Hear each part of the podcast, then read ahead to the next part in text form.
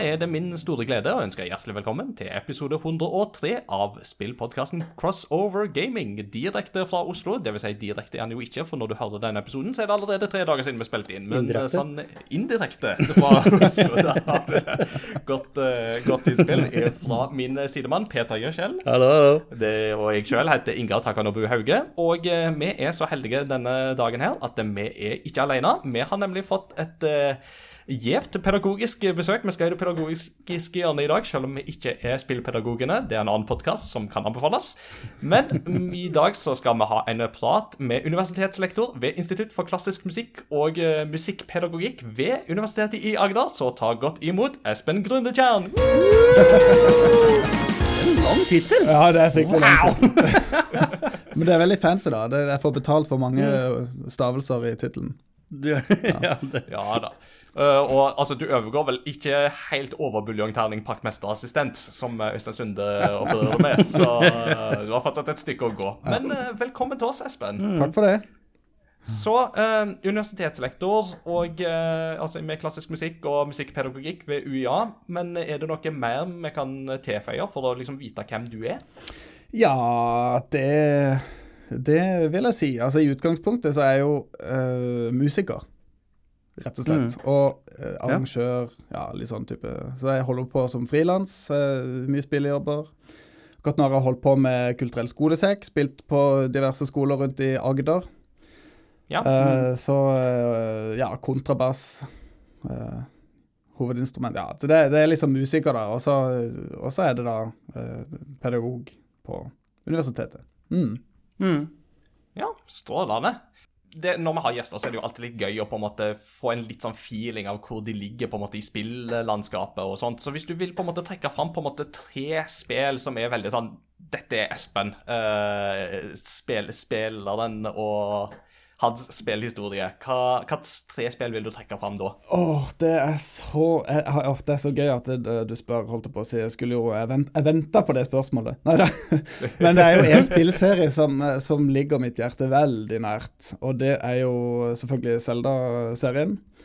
Det eh, har jeg jo blitt vokst opp eh, med på, fra Jeg har ikke eh, Eller det, ja, jeg starta med Nintendo 64, og så har jeg liksom gått tilbake i tid når jeg har blitt litt eldre da, på de tidligere tinga. Så det har jeg vokst opp med. Så Zelda er Det står meg nært. Eh, og så har jeg jo spilt eh, Diablo 2. Time, Ja. time inn og time ut. Eh, og spesielt nå med den nye, den nye oppussinga, der Resurrected, eller den herre. Så gøy. Så, så Ja. det er vel de der spillene som har, em, som har levd med meg i flest år. Um, Men så har jeg jo oppdaga nå i nyere tid Jeg må bare få sagt det, for jeg tror Dragon Quest kanskje overgår Zelda i, det her, i de to siste årene. Ja, vel, ja. Oh, Jeg lurer er på Jeg lurer på om de er Det, der, altså. det, det er veldig lov å he- hevde det. Du har jo et eh, japansk publikum i ryggen, eh, men det er jo en strong claim. Det er jo det, absolutt. Altså, man skal det, det, det innebærer jo en viss risiko å komme med sånne uttalelser. Det gjør jo det, men eh, Ja, det er livsfarlig. Jeg får sikkert trusler på mail i morgen. Ja da, det, er- det Det går. Får se om du møter opp på jobb på tirsdag eller onsdag. Det, Nei, men Så bra. altså, og Apropos det du snakker om, det ser jo ikke lytterne, men bak det så har du jo både Zelda-figurer og en slime fra Dragon Quest, så de er jo veldig godt representerte, begge to. Og en ocarina som henger Og det er der, og Mario litt sånne ting. ting. Ja, det da, jo så fikk jeg Mario-lego til, til bursdagen med kona, som jeg har bygd. Så ja da, Ja, ja, ja. Det henger litt. Eh, Godt, rep godt representert der. Du, dette blir det veldig gøy. Vi kommer jo inn masse inn på spillmusikk når vi kommer til temadelen, så vi skal spare den uh, biten litt grann nå. Men uh, bare sånn for å ta tempen, Peter. alt, alt vel? ja, det, det er det. Nå, nå er det veldig digg. Jeg har hatt uh, utrolig mye på tapetet siste. Eh, Før helga var det gamingleir og sånn der. Og så har jeg drevet og arbeidet med en rapport uh, siden Starta på det arbeidet høsten 2020 og leverte ferdig nå på tirsdag. Eh, så det var ganske merkelig. Eh, og så driver jeg og planlegger tur med klassen til Paris i mai. Eh, for, eh, på CS-turneringa som er der, da. Ja, Så Og det, har jo ikke vært bare bare å få det til den returen. Dere Det- kom dere til Paris, men dere kom seg hjem. Det var litt verre. Det, det er ganske vanskelig å få tak i flybilletter um, ja, Kristi himmelfartshelga uh, i, eh, til Paris i mai. Uh, det ble en kostbar affære, det, det ble det. Men vi vi fant en slags løsning på det. Så Så Paris det- er dog ikke en spillmesse verd, for å vri på det gamle ordtaket. Nei, det kjære vene, det var, det, det var, det var et prosjekt i seg sjøl. Men eh, det er utrolig hva som går når man sitter lenge nok på Momondo og Google Flight og lignende. Da finner man eh, de merkeligste ruter. Eh, men det ordna seg. Det fikk, så jeg vurderte jo buss hjem, liksom, og det var tre- det var 3-4-35 timer. Eh, så ja, vi var nesten der. Eh, Men ja, vi slapp den, ja. Men eh, bortsett fra det, så går det egentlig veldig, veldig bra. Det Ja, har det, det fint. Så bra. Mm. Livet smiler og alt. Og yeah. ja. Sjøl så jobber jeg med et eh, prosjekt til sommeren, men eh, jeg skal ikke si så mye om det nå. Jeg bare teaser det der, og så kommer det mer etter hvert. Eh, Jeg bare men- blar meg ned gjennom lista vår her, for å finne ut hva det er. Nei, jeg har ikke skrevet i kjøreplan, vet du, så det vet du ikke. Nei, jeg må bare tease det, vet du.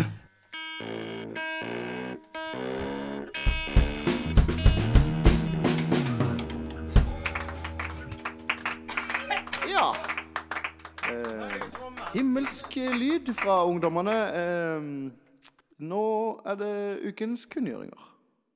Det har vært litt roligere uker nå enn det det var forrige podkast. men vi kan jo begynne med den ene tingen som vi snakket veldig mye om i forrige episode, nemlig eh, hva nummer i rekka det neste eventuelle Counter-Strike-spillet faktisk kommer til å bli. Eh, Nå har vi jo da endelig landa, eller det vil si Valve har landa, for de har jo nå annonsert Counter-Strike 2. Som de da kaller det, som for øvrig da ikke er det andre Counter-Strike-spillet. Det snakket vi jo veldig mye om i forrige episode. Eh, Men det er da endelig avslørt. Og um, det store der er jo da at spillet vil benytte Source 2-motoren. eh, Og komme som en gratis oppdatering til CSGO til sommeren. Så verdens mest eh, spilte kompetitive online shooter får jo nå en heftig oppdatering. Jeg, jeg er jo litt spent, Espen. Har du noe sånn Counter-Strike CS-historie? Ja! Hvordan er det? Ja, Ja. masse. oh, det er, det er kjempegøy. Masse. Begynte jo med 1.6, da. Uh, og vi hadde, vi hadde LAN-party når vi gikk på ungdomsskolen, så husker jeg at vi hadde uh, Jeg fikk låne huset ei helg. Uh, fordi at mamma og pappa vi hadde bygd hytte to-tre år før dette her. Og de var kjempegira på å utnytte hytta på helgene. Og da organiserte jeg LAN hjemme. Skikkelig god gammeldags LAN, hvor jeg hadde på det meste ni eh, kompiser i en sånn lita, trang kjellerstue, hvor de snart, hadde liksom eh. trillebårer med, med denne røyrskjermen og de svære klossene. Ja. Mm. Og da var det jo selvfølgelig selvfølgelig 1.6, og det var, eh, og det var aim-maps, og det var rats, og det var eh, mye sånn der eh, pool day. Ja, fant, oh, det er masse gode minner. Eh, så ja, masse 1.6, og jeg var en racer på headshot med Colt.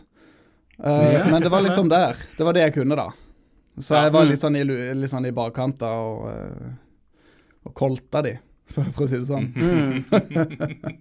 Nei, det Nei, men eh, strålende. Um, har du trua da på at uh, Counter-Strike 2 kan det, kan det bli noe, eller tror du fansen kommer til å flippe bord og gå sin vei? Nei, altså, da, nei, jeg håper ikke det. Altså, de, de som eh, spiller eh, 1.6, eh, det er vel kanskje de som har hopp, De har vel hoppa over på Go, kanskje. Source stoppa Jeg spilte jo Source veldig mye også. Så, mm. Men eh, hvis det her skulle være en gratis oppdatering fra Go, så skulle en jo tro at eh, de gir det et forsøk. Det er jo alltid nice med litt ny grafikk og, og litt sånne ting. Ja.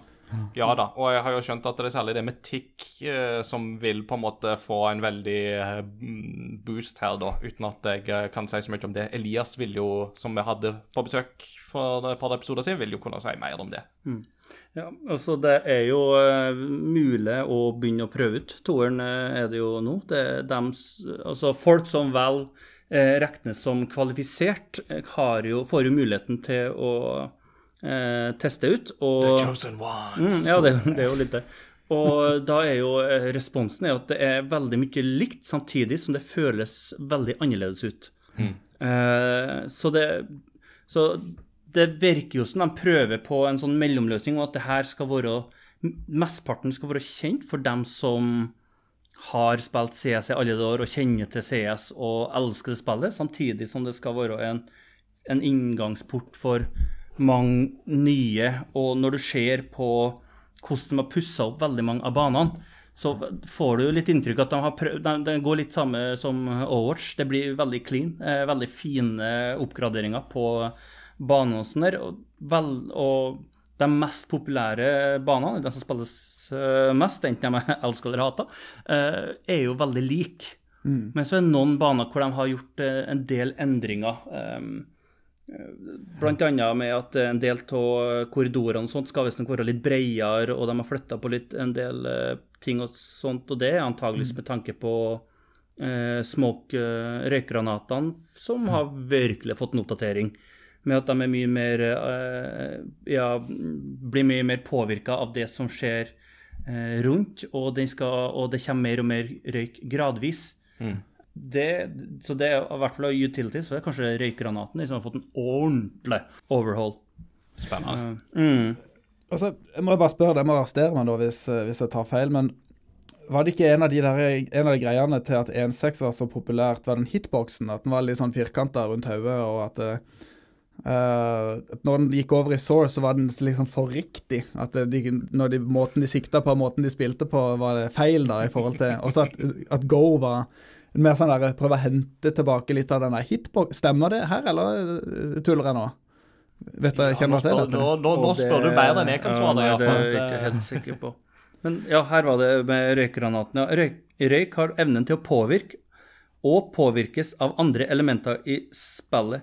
Kuler og sprenggranater kan skyve røyk unna Ha. eh, for å gi sikt eller utvide dekninga. Det er ganske, det er en ganske rå effekt å få inn i spill. Eh, når du ser kulene fly gjennom, så vil røyken sikkert da følge etter litt. Det, Ja, det mm, Åh, det minner meg om når, ut og når, når, Det minner meg om Jeg husker du Max Payne. Ja, ja, Ja, ja. Og jeg husker når Max Payne kom, hva var det, 1999 eller 2000 eller noe sånt. Så, Ja, 2001-ish, tror jeg det var. to, ja, rundt, ja, 2001, ja. Så det der med at det kulene eh, Da husker jeg at det, jeg kunne se disse her strekene på kulene, disse her, altså i Matrix-effekten. Mm. Ja. kula i slow-mo. Det minner vel litt om det, da, med denne her eh, CS og kula går gjennom røyken. Ja. ja. Artig. Nei, vi får, ha det, vi får ta en CS-runde to med Elias Ja, når det nærmer seg, og så høre litt hvordan eh, det er. Eh, Så får han skolere oss. Ja. Yeah. Synes, det var ganske passende. Vi, vi det er helt tilfeldig, men vi, had, vi, har jo, vi begynte jo med CS som ukas spill i dag, vi. Ja. Eh, Så det, vi skal ha det nå i dag og vekka til påske. Så da, da ble det ganske mye snakkis om CS2 når vi satt og gama det. Så bra. Ja. Eh, videre så går vi til Norge. Um, jeg, har, jo jeg vet ikke om jeg har nevnt det i podkasten, men jeg har jo um, eh, Jeg har jo faktisk prøvd meg på et nyttårsforsett i år. og det nyttårsforsettet er at jeg skal spille flere norske spill. Eh, det gjelder jo da både spill som kommer ut, men å gå litt i bakkatalogen. Og da passer det jo bra at eh, det oppstår et nytt norsk spillstudio som kaller seg for Carbonara Games. Som det er det nye studioet til tre utviklere som tidligere har jobba med spill som Death Store, Among the Sleep og Mosaic. Så det er en del av dette her Hamar-kollektivet. eh, Der er det jo veldig mye spillutvikling. De jobber nå med sitt første spill, som heter Project Crop. Som da Vi har bare sett et lite bilde, og der ser du en kar i en hazmat-drakt foran en stor låve. Så får vi se hva det kommer til å gå ut på. Altså, hadde skulle gjette, så jeg gjetta at det var italiensk, men for all del. Pasta carbonara, er ikke det Italia? Jo, jo, men altså, alle i Norge har jo kjøpt sånne carbonara-bokser. Ja, sant det, sant det, Altså. Jeg har aldri kjøpt det, men OK. nei. Sikkert mange i Hamar som har gjort det. Hamar er veldig glad i. Yeah. Eh, og så er, har jeg et lite spørsmål, og da er det eh, Vi skal litt retro her nå, men er det noen av dere som har et forhold til Little Big Adventure-spillene? Søskenbarnet mitt spilte ganske mye, og der stoppa det. Ja? Nei, der det er det, der er det dårlig. Ja. Nei, det er noen sånne PC-adventure-spill som Mm. har stått litt sånn høyt i kurs. Jeg har spilt de litt sjøl hos en eh, venn mm, på 90-tallet, husker jeg, og så stoppa litt der. Men nå får de fleste muligheten, for Little Big Adventure 1 og 2 skal få nye versjoner som er laga i Unreal Engine 5.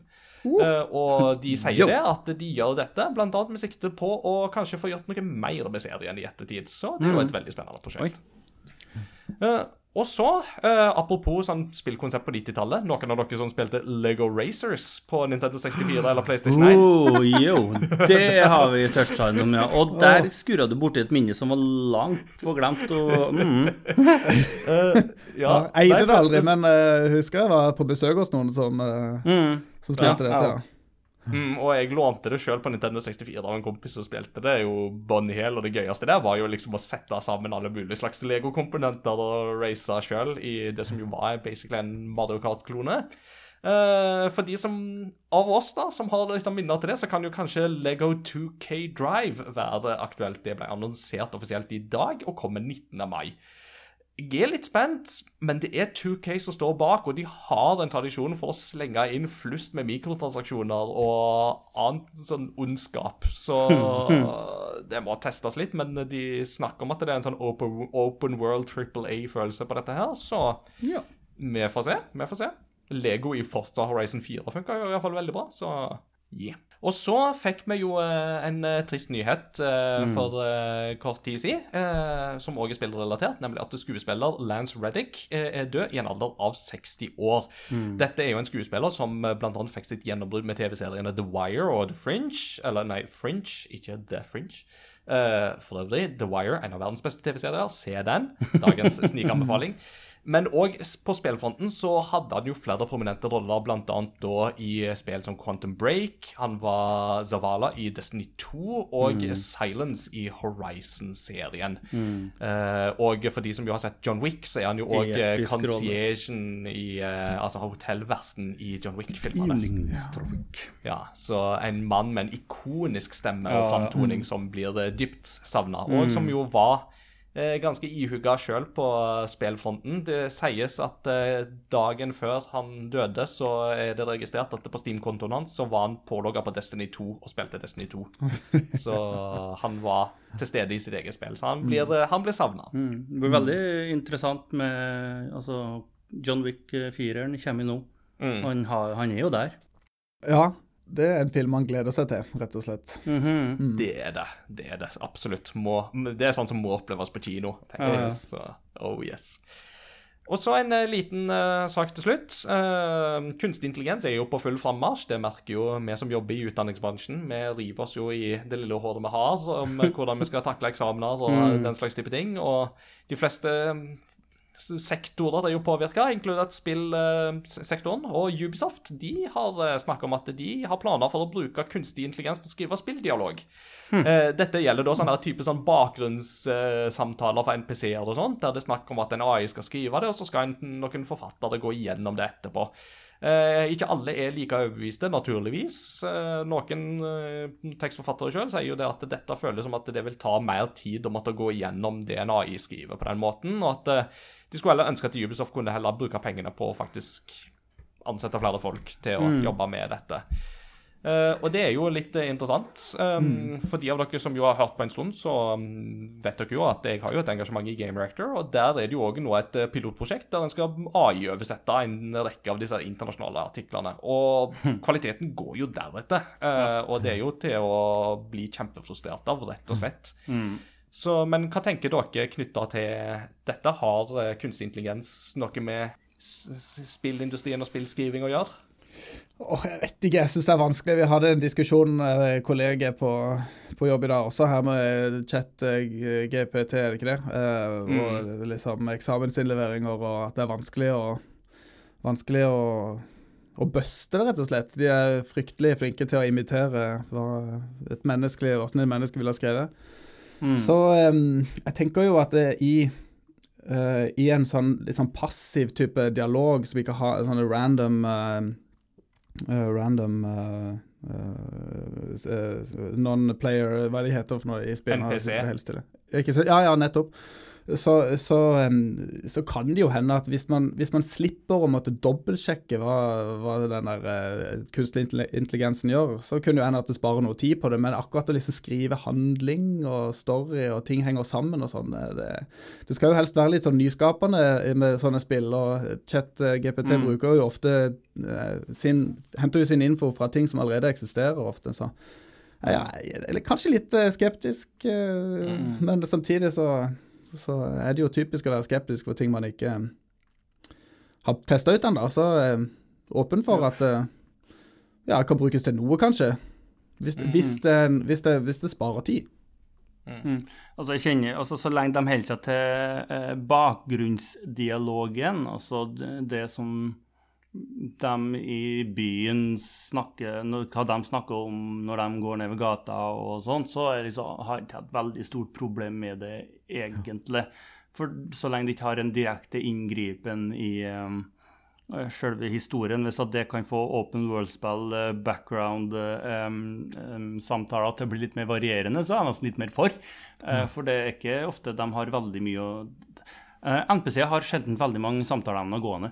Eh, du, du kan dem ganske greit at hvis at du eh, spiller open, eh, open world-spill. Um, I once was an adventurer like you. ja. Mm. Det er Altså, han, eh, han klesselgeren på Harry Potter han har jo seriøst ikke peiling på hva god mot er, hvis han tror at min karakter har god smak eh, når det kommer til mote. Um, Ja. så det Ja, nei, så jeg blir veldig todelt. Um, for, men ja, så lenge det er ting bare i bakgrunnen, så har jeg lite problemer. Men så fort det skal bli mer i front, som f.eks. på Game Reactors sine nettsider, som beklager, er ræl av en nettside utseendemessig. Uh, None taken. Nei, det er, altså det er bra nok det som blir skrevet der av mennesker, men det er så det er slitsomt nettside. Uh, så jeg blir ikke overraska at de har tatt den, den veien der. Men da er vi på en litt annen disk, da har vi tatt diskusjonen et tak videre igjen. Ja, ja. Og, og altså, for meg så er det jo litt at de som på en måte pusher gjennom dette her, det er jo de som sitter på toppen og som tenker profitt. Ikke sant? De skal tenke De Ja, ja. tenker penger, og de tenker besparelser, og de skal tenke det økonomiske. Og da er det dessverre ofte sånn at da har man ikke nødvendigvis alltid et øye for det kval kvalitative. Men en annen ting som jeg jo kanskje er litt mer skeptisk til, er jo det at eh, alle disse AI-ene, det de jo strengt tatt gjør, det er jo ikke å skape. Det er jo en veldig, veldig elegant form for plagiering de i utgangspunktet gjør. Og det er der jeg kjenner at jeg begynner å bli litt skeptisk. fordi at eh, med en gang du har på en måte maskiner som begynner å gjøre dette her, så, så, så er det strengt tatt ikke et kreativt, originalt verk. Da er det på et eller annet nivå så er det en kopi av noe som andre har gjort. Og det er der jeg kjenner at det der eh, da, da da begynner man å trene i noen gråsoner som er fryktelig farlige. Eh, I dag er det bakgrunnsdialog fra en MPC. I morgen så er det litt mer åpenbar dialog, eller at det er noen faktiske kulisser eh, som blir eh, generert kode til. Og det, det, det er fryktelig vanskelig, altså. Så dette er diskusjoner som jeg tror kommer til å komme mye mer i løpet av året som kommer. Og ja, kanskje Peter, vi må få inn noen har, har du en kollega på UiA som kan tenke seg å snakke om uh, kunstig intelligens? Og, og det, det, det, AI, du kan bare putte en AI som snakker for oss. Eh, ikke som jeg kommer på som jobber direkte med det akkurat nå. Eh, men eh, Torkel Jemtrud i NRK vi har mange gode eh, eksperter på dette. her. Ikke sant? Abus Tork. Ja, ja, ja. Kanskje- men du var jo inne på det, Peter. Kanskje vi kan spørre ChatGPT hva ChatGPT syns om anvendelsen av, av eh, AI i spillindustrien? Ja, Det er veldig bra. Men da kan ChatGPT faktisk eh, si forskjellige navn, ikke det samme navnet om igjen. Det er litt interessant. Og, men, han, Ja, men det som er ja. gøy, er jo at det samme, det navnet den sier, er eh, det beste navnet hver gang det blir sagt. Ikke sant? Så kanskje den ene gang er det Kari i et eller annet, og så er det den beste. Og så neste gang så er det Fridtjof eh, Arnulf, og så er det jo det beste. Så det er veldig morsomt. Han er veldig overbevisende, den der. Ja. Nå, mitt, mitt, mitt favoritt fra ChatGPT det er fortsatt når de spurte ChatGPT Hvis jeg sier Torbjørn Jagland og tallet 36,9, hva tenker du da? Da tenker jeg på kroppstemperaturen Torbjørn Jagland hadde da Nobels fredspris skulle annonseres i 2021. Å, du kjære vene.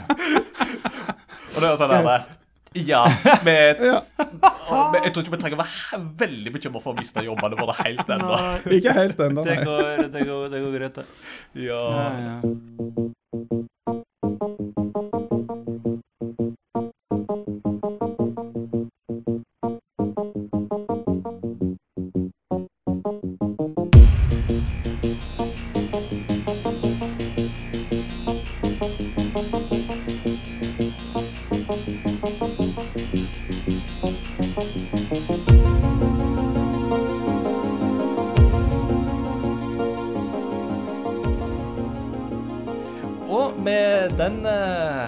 Og med den overgangen så skal vi da begynne å snakke litt tema. Og i dag så har vi et veldig spennende tema for oss, for Honde. For at jeg har da kalt dette her noe sånt som spillmusikk, YouTube og pedagogikk. Uh, og det er her du kommer inn i bildet, Espen, for du er et veldig fint kryssfelt for alle tre. For det som kanskje ikke alle lytterne vet, er at uh, du er, mm, har eh, De siste månedene så har du poppet opp på YouTube med noen uh, sånne videoer der du har filma deg sjøl og tatt deg sjøl opp ganske mange ganger. Og så har du lagt på forskjellige stemmer og av og til noen instrument. Du er jo bassist, det er veldig lett å se når du står der med kontrabassen at det er det som er hovedinstrumentet. Uh, og basically covre spillmusikk på denne måten på YouTube. Og da er det jo veldig spennende å ta praten, så la oss begynne liksom med begynnelsen. Nemlig hvordan begynte det, hele dette prosjektet her? Ja, det er et godt spørsmål. Eh, det begynte rett og slett med en eh, veldig interesse for, eh, for bare opptak og jobbe med programvarer og arrangering og prøve å få det til å, til å låte bra, rett og slett. Så du kan si de siste månedene er jo den spill at spillmusikk har blomstra, men jeg har jo holdt på med denne YouTube-kanalen i noen år i forhold til det med å laste opp arrangementer av mer sånn type jazzlåter og litt sånne ting. Eh, men jeg underviser i det her på, på universitetet, så uh, Og da, da må jeg jo lære meg disse programmene. Vi bruker et program som heter Logic, som heter um, Digital Audio Workstation, er det ikke det de sier på sånn ekstremt flott britisk? Um, og, um, og da må jeg jo uh, Føler jeg sjøl at jeg må holde meg litt oppdatert på hvordan det her programmet for det, hvordan det funker. at det, er at det, Så det beste måten for min del å lære det, er å bare lage mine egne ting. Og hvis jeg da kan lage de tinga som jeg ønsker at studentene skal lage, så, uh, så lærer jeg best av det. Så det var vel egentlig der det starta. Jeg fikk jobben og skulle undervise i dette programmet. Nå må jeg lære meg det. Eh, mens arrangeringsbiten har jeg holdt på veldig lenge med. altså Å jobbe i noteprogram. Det er et program jeg bruker som heter Sibelius. Hvor jeg skriver i Ja. noter og arrangerer. Det har jeg holdt på en en stund med. Jeg syns det er kjempegøy. Eh, men det er jo så genialt med dette her Logic, eh, blant annet av alle disse programmene er flotte, men Logic bruker jeg da. Uh, for dette gjør liksom muligheten til at du kan lage nokså kule arrangementer hjemme i ditt eget eh, rom med én mikrofon. Så kan du lage masse store ting. Du, trenger, du er ikke avhengig av et stort, fullt band som koster 100 000 kroner for å spille arrangementet. Så du kan med litt eh, teknologi få til veldig mye med små eh, midler. Og det er litt av det som jeg syns er gøy her, eh, og som jeg prøver å vise studentene også. At se her, dette lager jeg hjemme bare i, i, på kontoret mitt. Ja. Så det syns jeg er nice. Mm. Ja. Eh, dette her da, På UiA sine egne sider så har de jo vinkla dette med at du er en mann med mange hatter, og det ser man jo på videoene. For at du stiller jo med parykk, du stiller med hatt, du stiller vel med lapp på øynene en gang, om jeg ikke husker helt feil. og litt sånn, altså Har dette bare vokst fram som en sånn bonus, eller har det vokst fram som en sånn greie med at du må sjøl huske hva som er hva, og at det derfor blir lettere når du har et visuelt eh, hjelpemiddel? Det er ikke nok med forskjellige gitarer, liksom, og det skjer forskjell på gitar og trommer. Det- Det, det, nettopp, nettopp. Eh, nei, det var helt tilfeldig. For den første filmen jeg lagde når, når jeg brukte disse her hattene og greier, det var eh, en film som ligger ute da, som heter Et arrangement av Ave Maria av Bach, Johan Sebastian Bach. Ja.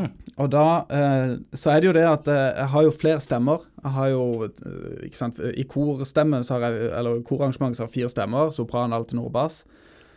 Og så var det liksom tanken jeg må ha en parykk for å vise sopranstemmen. Det er jo eh, jentene ikke sant, som har det. Og så må litt sånn diverse. Så jeg, men det kan ikke ha bare én parykk. De andre karakterene må jo ha noe på hodet.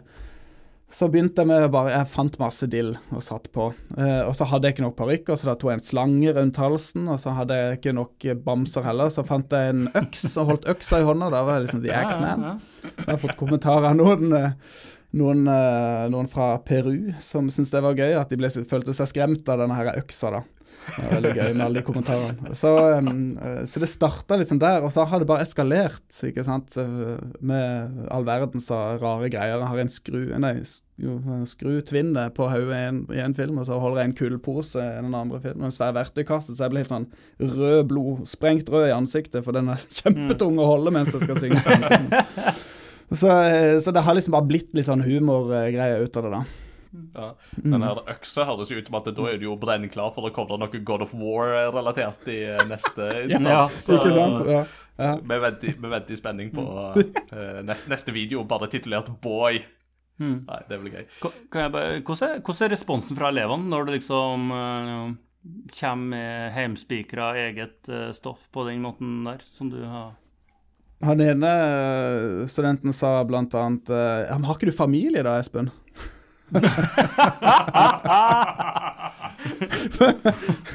For det tar jo veldig mye tid uh, å lage. Nei da, men nei, responsen er jo veldig fin. Altså. Men det er jo klart, jeg er jo litt forsiktig med å ikke bruke det for mye også, for jeg har ikke lyst til at undervisning skal være en sånn promotering på mitt arbeid. Uh, men uh.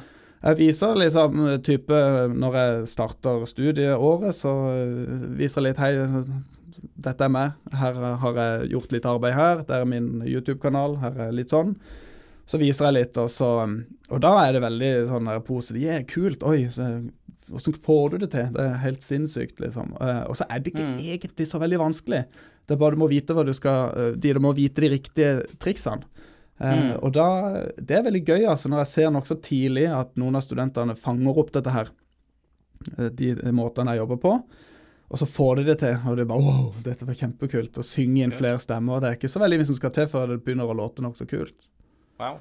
Ja, for, og, og nå, nå som du på en måte er litt inne på, på en måte den prosessen der, altså hvordan går du Du har jo allerede nevnt noen av verktøyene du bruker, og sånn, men hvordan går du fram for å lage disse videoene her? Altså, Hvor begynner du? Begynner du på en måte med at du finner et stykke, eller begynner, altså, er det arrangementsbiten som er på en måte det største altså, Og hva stemme er det man på en måte begynner med? Eh, det har jeg ofte lurt på.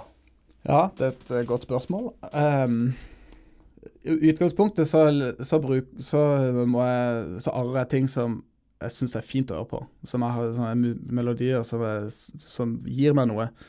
Uh, og eh, det er jo der spillmusikken kommer litt inn i bildet, da. fordi at eh, Zelda har jo for meg en uh, helt spesiell musikk. Den der er litt- Melodiene der er så Forteller så mye. Mm. Uh, så, så det er jo der det starter med åh, det er de melodiene de har lyst til å gjøre noe med. Eh, så jeg må finne, høre på musikken, jeg må prøve å finne ut av hva er det som gjør eh, denne låta spesiell. Og da er det gjerne selvfølgelig melodien, og det er harmonien. eh, og det er litt hvordan det rytmiske, om det er noe perkusjon, de ulike instrumentene. Og så må jeg prøve å arrangere det ned til mine instrumenter. For jeg spiller ikke trommer, og jeg spiller ikke elgitar og greier. Jeg spiller bass, jeg har forskjellige typer basser, og så synger jeg, da. Mm. Så litt sånn perkusjonsinstrumenter, litt sånn. Så jeg må prøve å, jeg må prøve å finne låter som jeg syns er fine, men som også eh, passer til min besetning. Det jeg kan spille inn med. Mm. Eh, det er det første steget. Og når jeg har funnet de, så må jeg rett og slett setter jeg meg ned på PC-en med dette her noteprogrammet mitt og skriver ned hele arrangementet i note. Altså alt er skrevet ned som, i, i et partitur, da. Mm. Eh, Så det tar jo en del tid, det her. Plukke det, altså, det som vi sier. Altså at vi hører tonene, og så skriver de ned på um, noter. Og så når jeg har gjort det, så er det veldig smart, for i musikk Uh, i, um, når, vi, når vi jobber digitalt med musikk, så, så er det noe vi kaller for midi. Som er en, en, en digital kode som forteller noe om tonehøyde, rytmikk og um, litt på anslag og sånne ting. Og det, det er en sånn, en, eh, et språk, et digitalt språk, som er overførbart til alle disse programmene. Så når jeg har skrevet det inn i, i dette noteprogrammet, så kan jeg konvertere det not, de notene over til et midi-spor, som jeg kan importere inn i Logic, da, hvor jeg da kan begynne å spille inn. Og da kan jeg sitte og høre på alle disse sporene. Eh, alle de stemmene. Kan jeg eh, ta solo f.eks. på sopranstemmen alene, høre på en sånn uh, sampla midi, dårlig eh, sopran, og så kan jeg da synge sammen med den. Um, og Hvis jeg da har gjort en veldig grundig jobb i arrangeringsfasen i Sibelius, eh, eller i notefasen, så kan jeg også skrive inn temposkifter hvis det er noen skal gå ut og inn av uh, ut og inn av ulike tonarter, modelleringer der Mm. alt det. Så, kan jeg, hvis, jeg, så hvis, hvis jeg trykker play i Sibelius, da, og det låter sånn som jeg vil i forhold til tempo, så er det kjempemye enklere å spille inn i Logic. Um, og da uh, spiller jeg inn hver stemme, f.eks. sopranen, spiller jeg inn tre ganger for å på en måte eh, illustrere eller simulere eller, eller hva skal jeg si, et kor. Sånn at det, hvis jeg har firstemt korarrangement, så har jeg tre stemmer på sopran, tre på alt, tre på tenor og tre på bass. Så det blir tolv spor per eh, for et firstemt kor. Uh, som jeg, som, hvor jeg dubber meg sjøl. Og så uh, Ja. Det er liksom der, da. Spennende. Mm. Jeg må jo nesten bare stille eh, oppfølgingsspørsmål. For at Ja, eh, nå, nå ganske nylig så hadde vi jo um, i uh, Retrospellauget, som jo er en av disse spin-off-podkastene som vi har, så hadde vi jo eh, Earthbound som vårt prosjekt. Og det er jo et, Oh, yes. oh, og det er jo et uh, spill Jo, takk. Uh, og det er jo et spill som du har covra med lyd. Og mitt spørsmål da er jo det at når du da skal liksom begynne innspillinga og synge på dette, her, så begynner du på en måte med melodien med Eller er det lyden som du tar først. For det er kanskje det mest fantastiske jeg har sett i hele dag. Det er å sitte på deg og så bare sitte der Med liksom sånn at hver fjerde bit eller noe sånt. Og det er bare det, og, det, og, det, og, det, og, det, er så bra, for det, det, er jo, det er jo så absurd som Earthbound er, og det bare passer jo så bra, liksom. Å ja. Oh, ja. Jeg må bare først bare, jeg må bare si det, den episoden jeg hadde med Earthbound. Det var Retro-lauget, var det det? Den, ja. Ja. Fantastisk. Det var så gøy å høre. Så den, eh, Nå har jo jeg kjempemye gode minner fra det spillet, både fra, fra, fra 20 år tilbake, men også helt nylig. Jeg spilte det just i fjor, faktisk, på nytt. Så det var veldig gøy. Det var derfor jeg eh, gjorde den filmen. Fordi at eh, jeg ble minnet på hvor ekstremt bra musikk det spillet der har. På så Mm. mange nivåer. Eh, og med de begrensningene. Det er helt det er så imponerende. 170 spor til sammen i hele spillet. Det er så vilt. Ja, ikke sant? Det er helt sykt. Og de begrensningene, det er jo Hvor mye plass er det, er det på en sånn kassett? Nei, 8-16 megabit er det vel til og med. Eller Ja, ikke en bite nesten engang. Det er jo, det er jo så lite. Det er, ganske, det er vilt. Mm. Og de lydene de klarer å lage, eh, som låter så bra, men som er komprimert så til de grader eh, det, det, er helt, det er så imponerende, altså. Eh, Så der har vi mye å lære. Nei, så, eh, så denne sangen som jeg spilte inn, da, det er jo da Battle eh, med Weird Opponent. Eh, Battle Mm. music til Weird Opponent. Og det som er spesielt med akkurat den, er den der bassgruven. Den bassfiguren. Mm. Sinnssykt groovy. Det er så kult. Mhm. Og når, når jeg spiller det spillet og jeg bare Oh yes, det er Weird Opponent! Så jeg må bare ikke ta jeg må ikke, jeg må ikke ta fienden før jeg har hørt ferdig, sånn at bassen kommer inn, liksom. Så det, det jeg bruker sikkert ti timer mer å runde det spillet, bare fordi jeg må høre på musikken først før jeg tar de. Men eh, så Åh, det er fantastisk. Men den var vanskelig å plukke, altså. Og jeg har, jeg har, jeg har søkt ned internett for alt av For det er jo en ting jeg, jeg, det er jo, jeg går jo på nettet og ser om det fins en del sånn ferdigskrevne uh, transkripsjoner av musikken. Og det fins mye, men det er utrolig mye som er, er, er feil.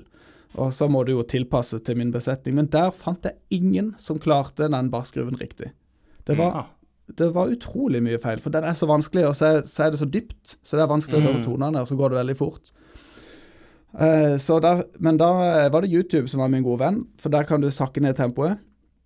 Og du kan sakke det ned veldig mye, sånn at det, lyden ble jo helt sånn der eh, bitt ødelagt med forferdelig stygg lyd, men du hører likevel toner. Så, så, da, så jeg tror jeg brukte et par timer bare å plukke den der bassgruven. Ja, den er, den er sjef, altså. Så, Men det er sinnssykt kult. Ja, nice. Eh, litt av dette her, eh, denne reaksjonen som jo en av disse her eh, studentene dine hadde med Ja, men har du ikke familie, eh, med tanke på tid og sånt. Altså, Hvor mye arbeid vil du si at Hvor mye tid og arbeid ligger det i en eh, vanlig videoproduksjon, vil du si? Ja, altså den, den eh, videoproduksjonen som gikk litt sånn viralt, og som jeg har brukt mest tid på, det er jo den Zelda-medleyen, da. Den, mm. den varer åtte, åtte og et halvt minutt cirka, og der er det tolv eh, soundtracks fra Zelda-spill. Eh, og det tok vanvittig lang tid. Eh, det kan jeg bare si. Um, eh, bare det å sette rekkefølgen på sangene tilpasser overganger, for dette, noen av de har jo ulike uttrykk, både tonalt uttrykk og rytmisk uttrykk, men å få disse overgangene uh, sånn at de låter naturlig, det er mange timer. Og så skal du skrive det inn i dette noteprogrammet. Så arrangeringsbiten fra, eh, fra ideen til arrangementet er ferdig med alle notene, det er sikkert 20-30 timer Oi. Ja. med arrangering. Eh, for dette, dette er et stort arrangement, da. Og så skal du spille inn, og da er det jo å spille inn alle disse stemmene, og der har jeg jo faktisk eh, ikke bare firstemt eh, kor, der har jeg jo åtte. For der har jeg fi, der har jeg, der har jeg åtte, ja. Jeg har to sopraner, to alter, to Mm. tenor og to basser. Eh, og de spiller jeg jo en De åtte der spiller jeg en tre spor hver, så det er åtte ganger tre ganger hvor jeg skal synge uh, Ja. hver av disse tonene. Så det er jo en god del ganger jeg står og skriker i kjellerstua her. uh, til familiens store skrekk, når kidsa står på døra og griner og de får ikke sove. Apropos familie, hvor lyd, hvor, hvordan er lydisolasjonen i huset? Det, Ja, dere kan jo se, da, det, i og med at vi hadde på Zoom her, så ser jeg jeg måtte hive opp en, eh, en sånn der akustikkpanelvegg her bak meg. For der er jeg vegg i vegg med soverommet til han minste som ligger og sover nå i dette øyeblikket. det er jo definisjonen på god stemning. Ja, ja, det er knallbra. Men de har så godt sovehjerte. Nei da, så etter vi har spilt inn alt dette eh, Innspillingstida er jo flere timer. Sikkert 20 Ja. timer, 30 timer det også. Og så er det miksing. Det skal mikses. Uh, det vet ikke jeg. Fem-seks timer miks. Og så skal det jo spilles inn, og da har jeg jo kjøpt meg green screen. Uh, og da uh, Så må jeg jo spille det på nytt. uh, for jeg, jeg spiller det ikke live, jeg mimer da, selvfølgelig. For jeg orker, det Mm. tar jo en evighet hvis jeg skulle spilt inn alt live. Så jeg, det mimes. Og så eh, må jeg jo da inn i det Jeg bruker Jeg bruker um, Final Cut når jeg skal lage filmen. Og der er det jo å få alle disse filmsnutt Alt der og skal mikses. Så det 100, minst 100 timer på den der Ja. Zelda-filmen. Eh, men så holder jeg på med et, et arrangement nå som er mye kortere. Og da er det, det er gjort på en, et par arbeidsdager, liksom. Mm. Ja. Sånn at eh, De trenger ikke å vare så lenge. Så det er sånn Mm. sjelden Det var 25 000 seere som har sett den Zelda-medleyen da, på tre måneder. Det er bra. Ja. Så det er jo det er, det er ganske decent, det. Det, er, det er ganske bra. Mm.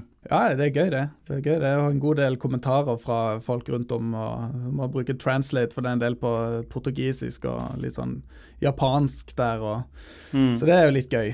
Mm. Du får, du får slenge de japanske over til meg hvis du ikke skjønner noe, så får heller jeg ta, så, ta og så bryne meg på de, så får vi se. Du får heller hjelpe meg når jeg skal ta runde Dragon Quest 10.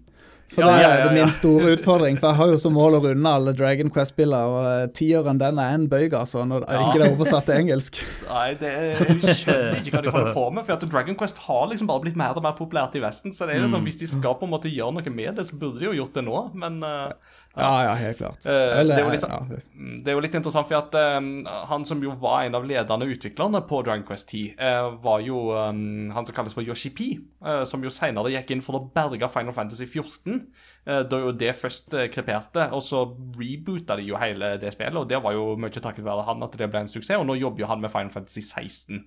Så det er jo veldig spennende. Men det var jo Dragon Quest 10 var på en måte hans på en måte første store sånn prosjekt, da, som jo ble en suksess. Så ja, det var en liten digresjon. Uh, UiA eh, har jo skrevet en liten sak på dette på sine nettsider, sånn som jo alle høgskoler eh, jo gjør når det skjer noe av, eh, på, på og universitet. Når det skjer noe, så må man jo skrive om det. Eh, og da skriver de jo det at du håper at videoen kan inspirere studentene til å eksperimentere med musikkpedagogiske verktøy. Eh, hva pedagogiske funksjoner ser, du for deg at denne type videoproduksjon kan ha? Uh, ja, uh, jeg liker jo veldig godt å, å få inn Jeg er jo musikkpedagog, så jeg vil jo ha musikk ut til folk. Uh, og spillmusikk, det jo Det er jo det nye Mozart. Jeg er helt sikker på at da-da-da-da-da-da, Bam. Folk kjenner den bedre enn ta-ta-ta-ta nå i dag. Ja. Ja, ja. Så hvorfor ikke være litt uh, Få den musikken inn uh, og, og være kreativ der, og kunne jobbe med det. Kanskje det kan motivere og inspirere til å, å sitte timer hjemme. For uh, skal man bli god i musikk, så er det øving og øving og øving og øving og timer og timer og timer. Og hvis du skal gjøre det, så må du gjøre noe som er gøy. Mm. for å holde på så lenge. Og, em, så jeg tenker at den der spillmusikkgreia, altså se disse resultatene med at det, det låter fint, og du har eh, eh, film uh, At det, det blir et litt sånn gøyalt resultat ut av det, eh, tror jeg kan motivere litt. Grann. Når jeg, eh, når jeg skal undervise i musikkteknologifaget, da, så er jo disse programmene jeg bruker her, det er jo en del av pensum som jeg vil at de skal eh, lære å bruke tid på. For det er mengdetrening som skal til for å, for å, eh, å bli god på dette. Og, og da ønsker jo jeg sjøl også å være god på dette, sånn at jeg vet hva de kan øve på, hva de kan jobbe med. Så eh, Og hvis jeg skal sitte og bruke timer på, på bare liksom kjedelige ting, så, så blir jeg, da blir jeg rastløs. Så jeg må nødt til å lage ting som jeg syns sjøl er sabla gøy. Ja. Og da, da er vi inne på den her gamemusikken, altså. For jeg kan sitte timevis og holde på med dette. Mm. Så, så, så for min del så er det egentlig en måte for meg å holde meg oppdatert på, på hva jeg skal undervise de i, rett og slett. At jeg skal bli god og trygg på dette. For disse programvarene de holdes oppdaterte hele tida. Det kommer nye funksjoner. Hvis ikke jeg følger med, så detter jeg av lasset. Mm. Så dette er, det er en sånn, for min egen del også veldig viktig at jeg holder meg oppdatert og jobber eh, med det. Så, så er det jo det der som jeg nevnte da, med at uh, spillmusikk er utrolig eh, populært for tida og veldig, veldig veldig gøy. Så få inn eh, Lage arrangementer på det lag. Bruk tida når du skal holde på med disse programmene på noe du syns er gøy. Bruk tida på, på den musikken du liker. Eh, og på et institutt for utøvende utøvende, både utøvende musikk, rytmisk og klassisk, så er det veldig mye fokus på det liksom å øve og spille vanskelige ting og spille å spille liksom de gamle klassikerne og sånn. Eh, ikke så veldig mye på gamemusikk, men det er sabla Mm. mye bra spillmusikk. Og filmmusikk. òg. ja. Ja, ja, Ja, ja, ja, ja. helt klart. Det, er- og det er jo på en måte Det er jo her den nye på en måte contemporary classical music-scenen altså Det er jo spillmusikkfronten og filmmusikkfronten. Det er jo der det skjer, Mm. tenker jo jeg. ikke sant? Altså Det er der vi får på en måte de sterkeste uttrykkene, de som kanskje vil vare lengst, da. Eh, og ja, sånn som med spillmusikk òg, at spillmusikk er liksom mer enn bare plink-plonk og altså ja, altså, de fleste har gode minner til både Mario og Tetris, liksom, men det er så mye fyldigere enn det òg, altså. Og, og bare det òg, å se nå at nå har jo på en måte spillmusikk fått en egen kategori innenfor på en måte Grammys, er jo på en måte en anerkjennelse, bare det òg. For, for at det, det handler jo noe om å om å vise ut til verden òg at eh, dette her er faktisk Her skjer det ting. Dette er en viktig del av folks liv, og dette her er musikk som fortjener å bli anerkjent, Mm. tenker jeg da. Og da Ja. er det jo viktig å få det inn i det pedagogiske òg, så det er jo bra. Mm, mm, mm. Eh, en sånn liten sånn der, bispørsmål før vi tar siste spørsmålet, men er det noen av studentene som har kommet med ønsker til ting som du skal lage i framtida? Det var sånn, oh, det var, å, det var kult med Selda, kan du gjøre det neste gang? Nei, jeg er mer Selda. Ja. ja da, jeg har jo allerede planene klare for neste medley, men uh, for å holde familieroen i fred, så kommer det i perioder hvor jeg har litt mer tid. Nei da, Så, det ja, Uh, Men ja, så hva tenker du eh, Hva, hva spil spes, Er det spesifikke låter som du har lyst til å covre uh, framover, når tid og anledning byr seg? Ja, jeg har eh, akkurat nå holder jeg på med en, eh, en, eh, en låt som jeg tipper jeg kommer ut i neste uke. En Zelda-låt. Uh, får vente i spenning, se hva Ja, ja, ja. de, som, de som eventuelt vil inn på kanalen og se. Men uh, det er ikke noe hemmelighet at, uh, at det er Zelda, nei, det har jeg jo sagt. Så det kommer, men så vet jeg at det kommer mer Earthbound, eh, for det er bare helt eh, vanvittig mye bra der. Jeg har lurt litt på å lage for kanskje en sånn der medley med alle og, og nett og, og, eh, og den der melodien i Three, eh, hva den heter nå, den byen? Three, ja, Freed. Den er så utrolig fin. Et eller annet, kanskje lage de der, de der låtene fra, fra byene. Mm. Ellers så, eh, så er jo Xenoblade Det er faktisk Ja. eh, der, der begynner vi å snakke nå, altså. For eh, Yes. musikken i Xenoblade, Mm. det er next level, altså. Ja. Spesielt kanskje Xenoblade 1 Mm. og expansion packen til Xenoblade 2, Torna. Mm. Musikken i expansion packen, der er det litt jazzy. Der Ja, er det akkurat som de har fått inn jazzmusikere, og det er jo noe jeg kunne tenke meg å spille Uh, Altså ikke, ikke lage sånn YouTube-film, men rett og slett spille med, Mm. med jazzbandet. Ja. Nei, for det er, det er noen av de arrangementene der de to en Altså, jeg, jeg hadde jo mitt å si når det gjaldt på en måte character design og story i Xenoblade 2. Der var jeg ikke spesielt imponert, for å si det sånn. Men musikken der var jo helt uovertruffen. Når du har noen av disse storbrassbandene som kicker inn når du går ute på noen av disse områdene. Det Det er så vakkert. ah, Og så er det så utrolig elegant, disse her, de her um, eh, på, på noen av de der grand eh, og så på nattestid så er det helt Mm. det samme arrangementet, eller samme melodi og sånn, men bare helt sånn nedskalert to, nedtona. Så det er så elegant åssen de ja. Og et av, et av mine sånne beste sånne spillminner fra JRPGs generelt, det er jo når det kommer til Gar Planes i første Xenoblade første gang, og du får den musikken som kicker inn, stor grønn åpen slette, og du ser den der andre kolossen står der borte i horisonten og bare sånn dit, dit skal jeg gå på et eller annet tidspunkt. Må bare dø 50 ganger først. Ja. Så Nei, men det er spennende. Det, Ja, jeg tenker nok Xenoblade. Altså har jeg eh, Jeg er litt spent på Jeg er i tankeboksen, men jeg har jo just gama Elden Ring ja. eh, en del. Uh, og det er jo Musikken der er jo mer sånn Sånn stemningsbasert, litt mer sånn ambient. Det er ikke sånne tydelige melodier, men mer sånn harmonier og mer sånn Mm, strykeopplegg. Ja, det er gøy å prøve å få til et eller annet der, altså. eh, Mm. Med noe klang og klangopplegg. Så du skal se. Kanskje det kommer noe Elden Ring òg. Skal vi se. Det blir eh, stort. Vi gleder oss. Mm. Uh, Peter, uh, jeg har kommet til veis ende i mine spørsmål, men uh, hva tenker du? Har du Nei, altså, jeg har egentlig fått pitcha dem de tingene som har dukka opp underveis, eh, så jeg er fornøyd, da. Ja. Og det er veldig interessant eh, å få et innblikk i den verden, for jeg har jo det er jo mange eh, YouTube-artister rundt om som man hører på i eh, Eller som jeg har hørt på opp gjennom tida. Så det å faktisk få et innblikk i hvordan det gjøres, var, det, det var interessant. Um, og spesielt um, Jeg har jo tenkt at det her tar tid. Mm.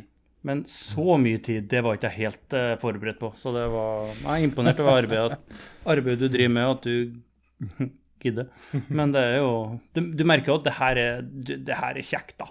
Mm. Så det, Det er akkurat det, og det må være gøy. For hvis ikke det er gøy, så, så funker det ikke. Så, og det er jo det er jo viktig nå framover med YouTube. Når jeg ser at uh, subscribers tikker inn og, og views tikker inn, så blir jo litt bitt av det. Men jeg har, jeg har ikke lyst til å bli sånn stressa at jeg må at jeg må produsere for, eh, for YouTube. eh, Nei. for det er litt Da må jeg bremse i så fall. Men eh, for jeg har lyst til å produsere det, det som er gøy, og det er, det er superviktig. For det tar mye timer. Det gjør det. Mm. Så, Og det er jo nok av så content creators som har brent seg ut på det med at de må pushe ut content, ikke sant? Og da forsvinner jo personen med det, og musikk er jo pasjon. Aller høyeste grad. Men så er det jo den der kombien da med jobb ikke sant, ja. som, som gjør det her veldig fint. For at, eh, jeg må holde meg oppdatert på disse programvarene. Mm. Og da hvorfor ikke gjøre det på denne her måten? Eh, vi er Ja, ja. jo Pose og sekk. Det er nydelig. det er akkurat det. det, er akkurat det. Vi tar en eh, liten pause, eh, og så når vi kommer tilbake til del to, så skal vi høre litt om eh, sånne spillmusikk-coverartister som våre lyttere blant annet hører på, og så skal vi ha en eh, liten eh, rapport på hva folk har spilt i det siste.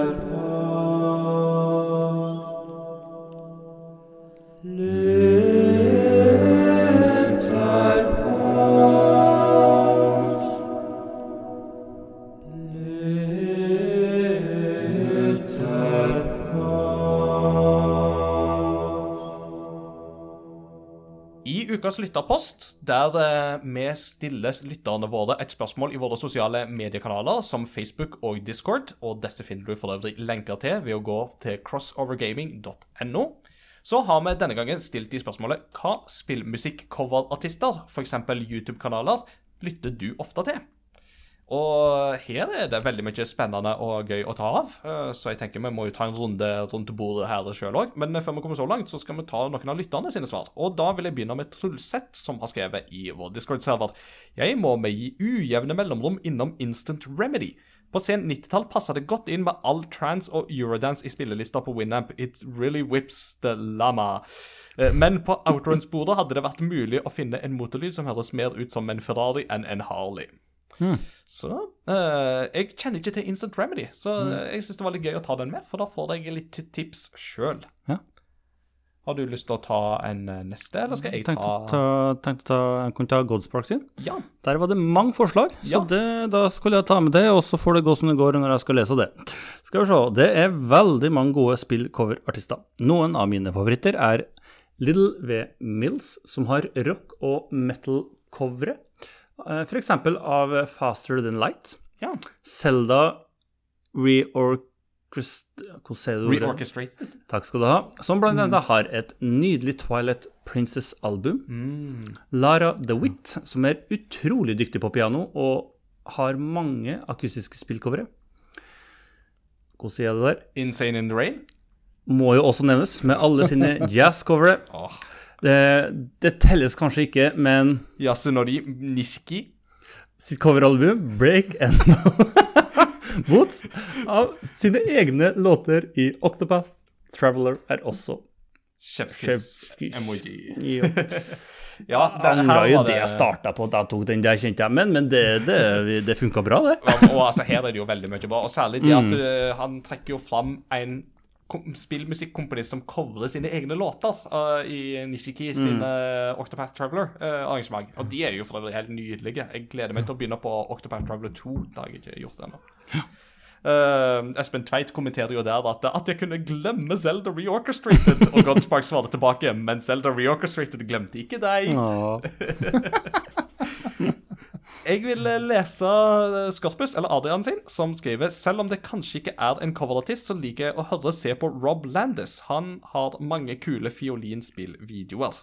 Ja, og det er ikke så dumt skrevet. Ta en- eh, Christian Komlesopp sin, da. Ja. Gamechops er et eget plateselskap som bare gir ut spillcovere. De har masse nydelig spillmusikk. Favoritten min, altså Christian, er Selda og Chill 2. Så der var det mye, mye Selda og. Chill, det høres ut som en ganske deilig ettermiddag. Eh, ja. Lage mat, og så bare sette på litt cella og Chill 2, og så Ikke bedre enn det. lager Det er du, veldig viktig med den toen. Ja, ja. så lager, lager du pasta carbonara. Ikke sant. Ikke sant. Eh, jeg vil tenke Vi må ta en runde rundt bordet òg. Så Espen, eh, du er jo ikke den første som har gjort dette her. Altså, du, er, du, du er kreativ, men du er ikke så kreativ. Uh, Nei, så eh, det har du rett i. så har du noen eh, har du noen uh, sånne coverartister som du syns er inspirerende og har gitt deg noe? Det har jeg. Jeg, har, jeg vil trekke fram to. og de to representerer litt begge mine musikalske leirer. Den ene, det er jo Freddy Greddy på mm. YouTube, som har uh, disse tre store medleyene som, uh, som eh, regnes for å liksom være de største spillmedleyene. Og det er jo Pokémon-medleyen, eller The Poké Medley, tror jeg den heter. Og så er det The Legendaries of Zelda Medley, eller noe sånt den heter. Og så er det en Mario Medley. Som var min inspirasjon til å begynne med det her hode, skulder, kne og tå-opplegget. Eller hode og masse hoder og, spill, og filme meg sjøl. Så han, det var han som starta det. Hmm. Uh, det er andre anbefalinger som bare alle må sjekke ut. The 8-Bit Big Band. Yes! Oh, som jo vant Oh, yes. eh, Grammy for, for Kirby-arrangementet sitt. Ja, Det det sant? er vel fortjent. Mm. Altså, så vakkert. For da er det profesjonelle uh, artister. Jazzmusikere fra hele verden, men de holder til i, i New York. Uh, mesteparten av disse. Møter, spiller, og de lager vanvittige arrangement som er så høy klasse. Og jeg har mye erfaring med storband. Jeg har spilt i storband i mange mange år sjøl. Og de arrangementene er helt på høyde med de beste arrangørene i, i, som, som fins, altså. altså 8-Bit Big Band. Favoritten min er Dire Dire Dogs. Ja Eh, versjonen de sin. Åh. Da, Og så spiller du selvfølgelig melodien på bass, Ja, ja, så ja. det passer bra. Mm Så Vakkert. Ja. Må sjekkes ut. Ja. Jeg, jeg, jeg, har- de, det hen, altså jeg sirkulerer litt sånn hvor jeg hører musikken min, og hva jeg på en måte noe er liksom det jeg har sjøl på, på egne filer. og så Av og til så er det Spotify, av og til så er det YouTube. Og i dag så ble det bare litt sånn YouTube, og så bare sånn ja, ja, surprise me. Litt sånn miks av alt. Og da dukka jo 8-bit Big Band opp med Snake Eater-arrangementet sitt. Og det, er- det som er så ekstra gøy der, er jo det at de har jo lagt på sånne der ekstra animasjoner, som ser det ut som de kommer fra sånn der eh, twist, Ikke Twisted Metal, men um, Metal Slug, eh, en av disse andre spillseriene som vår godeste Mats Jakob er så glad i. Yeah. Eh, som liksom ser det som det kommer fra liksom gode, gamle Neo Geo-utgave av Metal Gear Solid 3. Og det er sånn der åh, Pose og sekk, altså. Åh, ja, nydelig. Ja. Eh, en som jo ikke har nevnt ennå, er jo Smooth McGroove. Han er jo en som har gitt meg veldig mye uh, av uh, gode spillmusikcovere. Da er det a cappella for de harde pengene, men det, det beste av alt er at da får du jo to bonuser når du ser på han. Du får et ragg uten sidestykke, og så får du en kjempesøt kattepus. Eh, så da er det jo strålende. Og så har jo, ja. Og så har jo Insane in the Rain blitt nevnt, og det er jo òg en som har gitt meg veldig, veldig mye glede. Ja. Vær så god. Ja. Ja, ei, plate som, som jeg har hørt mye på, er jo den som fulgte med. uh, Skyward Sword. Ja, Man kjøpte ja, det? Ja, ja, ja. Altså den, der, den orkestrerte uh, platen Åh, det er jo veldig vakkert, syns jeg. Mm. Men det er jo gjerne Nintendo, da, så det er jo ikke noen sånne andre som arrangerer Nintendo-musikk. Men uh, nydelig, nydelig plate. Yes, den uh, 25-årsjubileumsplata som fulgte med der. Mm. Varmt anbefalt. Ja, stemmer. Uh, jeg har eh, hø Jeg hører veldig mye på det. Men eh, Det ligger liksom i feeden min, men eh, det er veldig sjelden at jeg husker på hvem det er. Eh, men jeg hadde liksom drevet og YouTuba litt sånn når dere har kommet med forslag, og Smooth McGrew har kommet stadig vekk opp i min feed.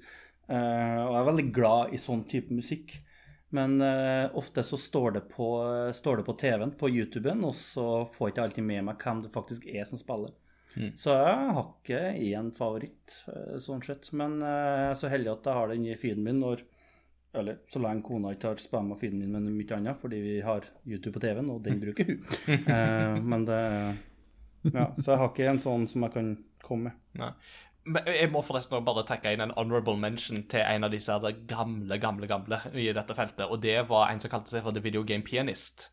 Eh, han opererte med dette her før YouTube var ei greie. Så filma han seg sjøl der han spilte diverse arrangement på piano. Og han var jo en av de som inspirerte meg da jeg eh, studerte årsstudium i musikk, til å faktisk prøve meg på litt sånn spillmusikk eh, og det å lære meg det på piano og litt sånne ting òg. Så honorable mention, mm. mention der. Oh, ja, apropos eh, piano. altså det er jo, Du spurte meg hvordan det starta, dette her. Og det starta jo faktisk eh, da, jeg, eh, da jeg gikk på musikklinja på videregående og hadde piano biinstrument. Så Ja, jeg var så heldig å få min pianolærer, som var da eh, like nerd som meg i Selda, og vi spilte Åh, bare. Selda-musikk i de pianotimene. Kan du tenke? Det er hipt, altså. Det er gøy. Så der, det var der det starta, da. Med Yes. spill. Så alle lærere der ute, ta det til dere. Bare få ut spillgleden spillgleden -hmm. jo før jo heller. Så yes.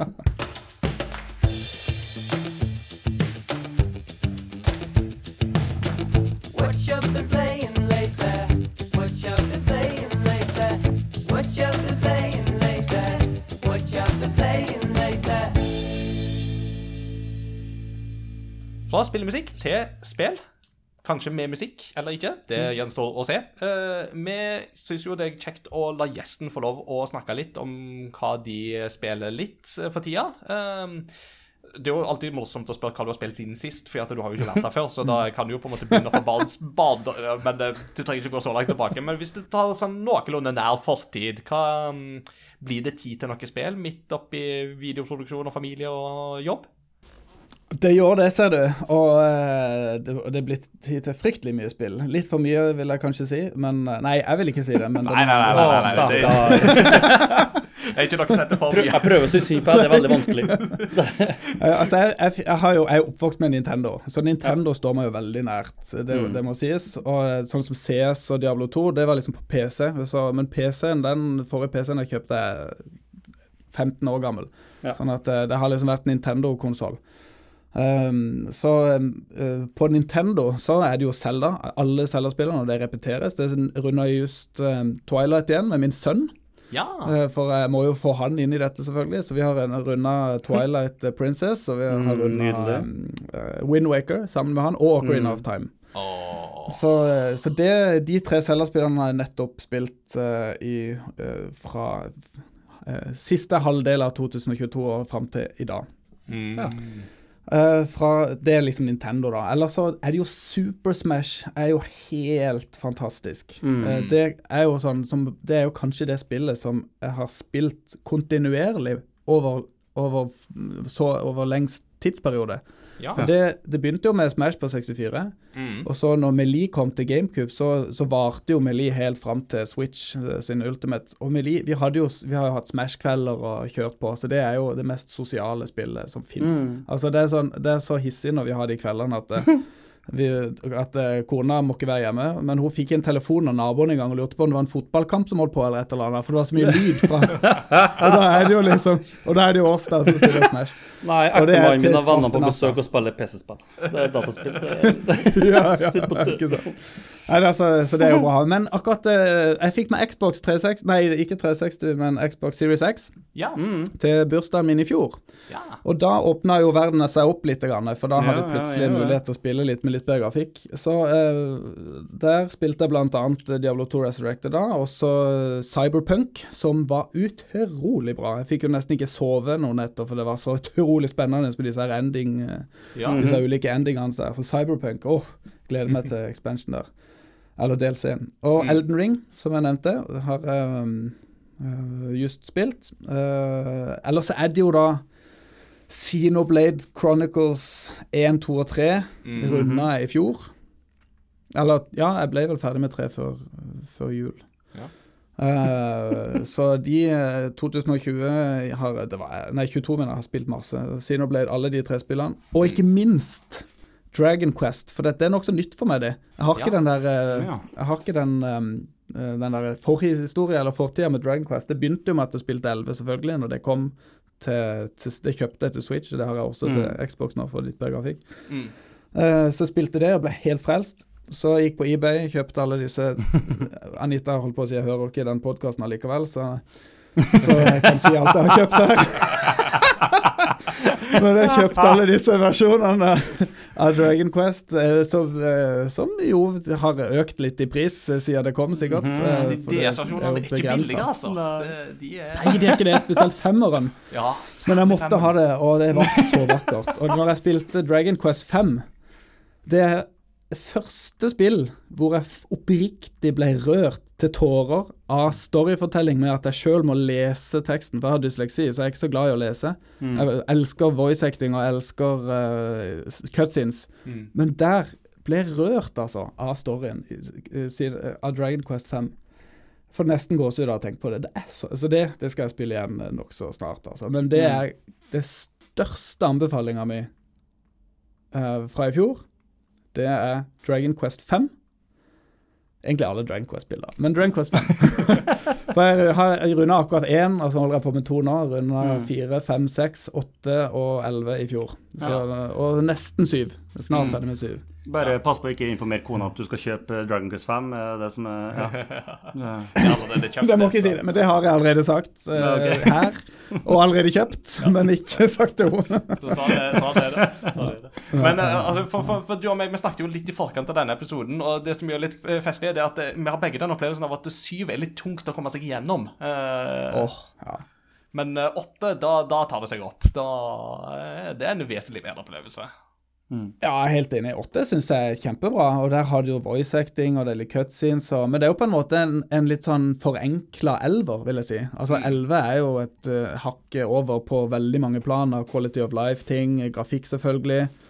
Eh, musikken syns jeg òg er bedre, det er mer orkestrert, spilt inn med ordentlig instrument. Um, Ja. Og, uh, og ja. Mm, nei, uh, Iallfall I hvert fall den siste den- versjonen ja, til Switch. Med den siste versjonen, ja. For den opprinnelige Ja. versjonen så var det jo ikke det. For han komponisten var jo litt han, Han var jo litt seig på det der med at nei, nei, nei, du skal, for å få det så må du kjøpe CD-ene.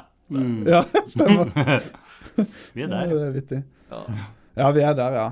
Så ja, Mm. nei. Så åtte, der kom det seg. Men fem, altså. Kjære vene, det var, det var en sånn gullfugl, altså. Nydelig.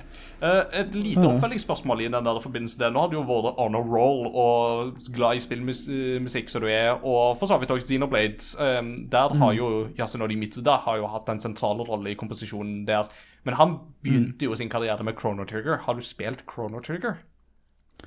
Det er på lista, ser du. Eh, og min bror, eh, vi er begge to gamere, så vi snakker mye om eh, dette her. Og han har jo Trigger eh, på DS. Ja. Uh, for det, han, er, han er noen år eldre enn meg, så når han spilte DS da, Nei, Trigger, da spilte jeg Pokémon. Eh, for- og så, um, så jeg har sagt at jeg skal låne det når jeg har runda alle de Dragon Quest-spillene. Det er liksom Når de er ferdige, så skal jeg på Trigger, ja. Ja, og det er en veldig bra versjon, altså. Og det er som bassist. Du har noe å se fram til. Altså, jeg, jeg, det er bare, det er bare så Sitt og spekuler litt, for du, altså, du er universitetslektor, så du arbeider jo der, du har jo familie. eh, du, du, du har liksom snakka om x antall hundre timer du bruker på å lage én YouTube-film. Og du har nå ramsa opp flere spill enn sikkert de fleste lytterne har spilt de siste tre åra, for det gjorde du i fjor. Har du mange timer i døgnet, du? Det er jo helt bananas! Ja, det høres helt sykt ut, faktisk, når jeg sier det nå. Ja, eller når du sier det nå. Nei, jeg er Og, imponert. nei, og allikevel klarer vi å tikke inn med Ringnes herre-maraton i familien. Og, så, Ja, men det, det, skulle, det, det er jo Men verdig det, og det, det har vi jo tid til en gang i året. Ja, ja. Eh, Det må man ha tid til. Ja, ja. Vi Det er skal, noe til helga, det. ja, vi skal ha noe til helga. Så da er det Skal det? Åh, Ja. Extended, selvfølgelig. Ja, i 4K og Altså, extended. Altså, altså nesten skuffa over at du må inn si det. Altså, hallo. Ja, det er sant, er Hallo, hallo. Winners. Tolken Master og Lauren. Angmar. Mm, ja. Nei da. Men eh, du, nydelig. Eh, hadde du noen flere spill å pitche? Du ville Pokémon pitche inn, eller skal vi sende stafettpinnen Ja, videre Pokémon Go. Ja, nei, altså, jeg har jo skrevet ned jeg må, Vi må bare trekke fram eh, Jeg må trekke fram Earthbound en gang til. For det, Ja. det um, Mm. uh, I forhold til musikk så syns jeg at Earthbound og uh, er helt enestående. For der er det sånn Altså, når du, når du spiller Dragon Quest og når du spiller Pokémon, når, du når du kommer en fiende, så kommer den der fiende battle music. Og da er det liksom tiltak du trykker på A så fort du kan for å bli ferdig med battlen for å komme videre. Men i Earthbound er det helt motsatt. Når du, får, når du blir angrepet, så lener du deg tilbake. Du venter med angrepet, og du hører på musikken. uh, så hvis du skal ha en musisk opplevelse uh, på et sånt uh, gammelt eh, type pixel-spill, så eh, er det jo Earthbound, da. Ja. Absolutt. Og for mer om Earthbound, sjekk ut Retrospill-episoden om Earthbound, der jeg og Sigrun snakker igjennom hele opplevelsen og tar fram noen musikalske perler, sant? som eh, den her boss-temakampen. og det er herlig. Vel, eh, Peter, Ja. da har jeg en penn. Vi sier at det er en stafettpinne. Nå får du stafettpinnen, og så kan du eh, fortelle hva du har spilt i det siste. Ja, uh, jeg har spilt veldig lite nytt. Eh, ja, men jeg har kost meg med ganske mye eh, i det siste. Helt fortsatt med Hogwarts Legacy. Um, ikke ferdig med storyen. uh, Har du noe mer igjen å gjøre? nå Jeg er ferdig med veldig mye, ja. ja. så det er ikke så mye mer å uh, gjøre. Men det, ja. Men jeg koser meg fortsatt veldig med det. Jeg ble litt irritert en dager fordi jeg drev og kikka gjennom eh, ja, eh, trofeene på eh, PlayStation. Og da er det jo eh, et eget trofé å oppdage eh, hemmelige rom med eh, de forskjellige husene. Og det var liksom bare Å, du kjære vene, det her blir jo holdende på en evighet. Uh, men jeg har ikke noe valg, jeg må gjøre det. Så det, da blir det noe holdende på, da. Uh, men jeg koser meg fortsatt veldig med Hogwarts Legacy. Men, ja, det snakker vi jo mye om forrige episode, så da går vi fort videre. CS spilte vi i dag. Ja. Med det spiller med klassen for tida. Um, jeg suger, men det er kjekt likevel, det. Eh, Eh, elevene mine er, er veldig dyktige, mange av dem. Eh, så det er, jo, det er jo artig å spille, og det er veldig fine folk og tålmodige stort sett. og sånn der. Så det er stas. Men jeg, jeg har jo ikke spilt det siden jeg var 18 år sjøl. så det liksom det ferskeste minnet det er liksom når vi satt på fremste av en eller annen grunn i norsktimen. Jeg presterte å ta headshot uh, på lagkameraten min når han sprang foran Sikte etter at timen var starta. Um, ja, da dør du tre ganger sjøl òg. Det var ganske grusomt.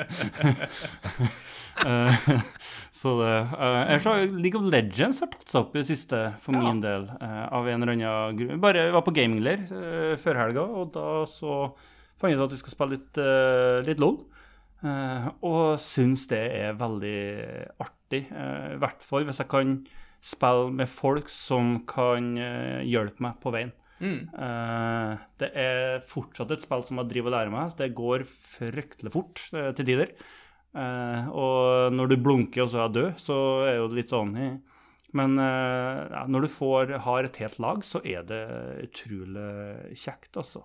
Eh, Kona vi har tatt opp i tekst 2 etter en eksepsjonelt lang pause. Eh, Men vi koser oss jo med det. Ja. Ja. Det, det er jo et utrolig artig spill, da. You gotta fix your your relationship! Ja, ja. Så det Ja, de om det, men jeg har det bra, vi. Eh, Men det Så nå prøver vi prøver å fikse andre, folk sine, eh, tydeligvis, da. Så det er veldig, veldig stas. Og så jeg sitter og sysler litt med sjakk. Ja. Så det er, det er kos. Vi, kona og jeg vi drev og så Exit, eh, og da er, der er det jo en del scener som en ikke nødvendigvis trenger å få med seg. Og da er sjakk eh, fint for å få med seg dialogen. Så det er liksom det jeg bruker å gjøre.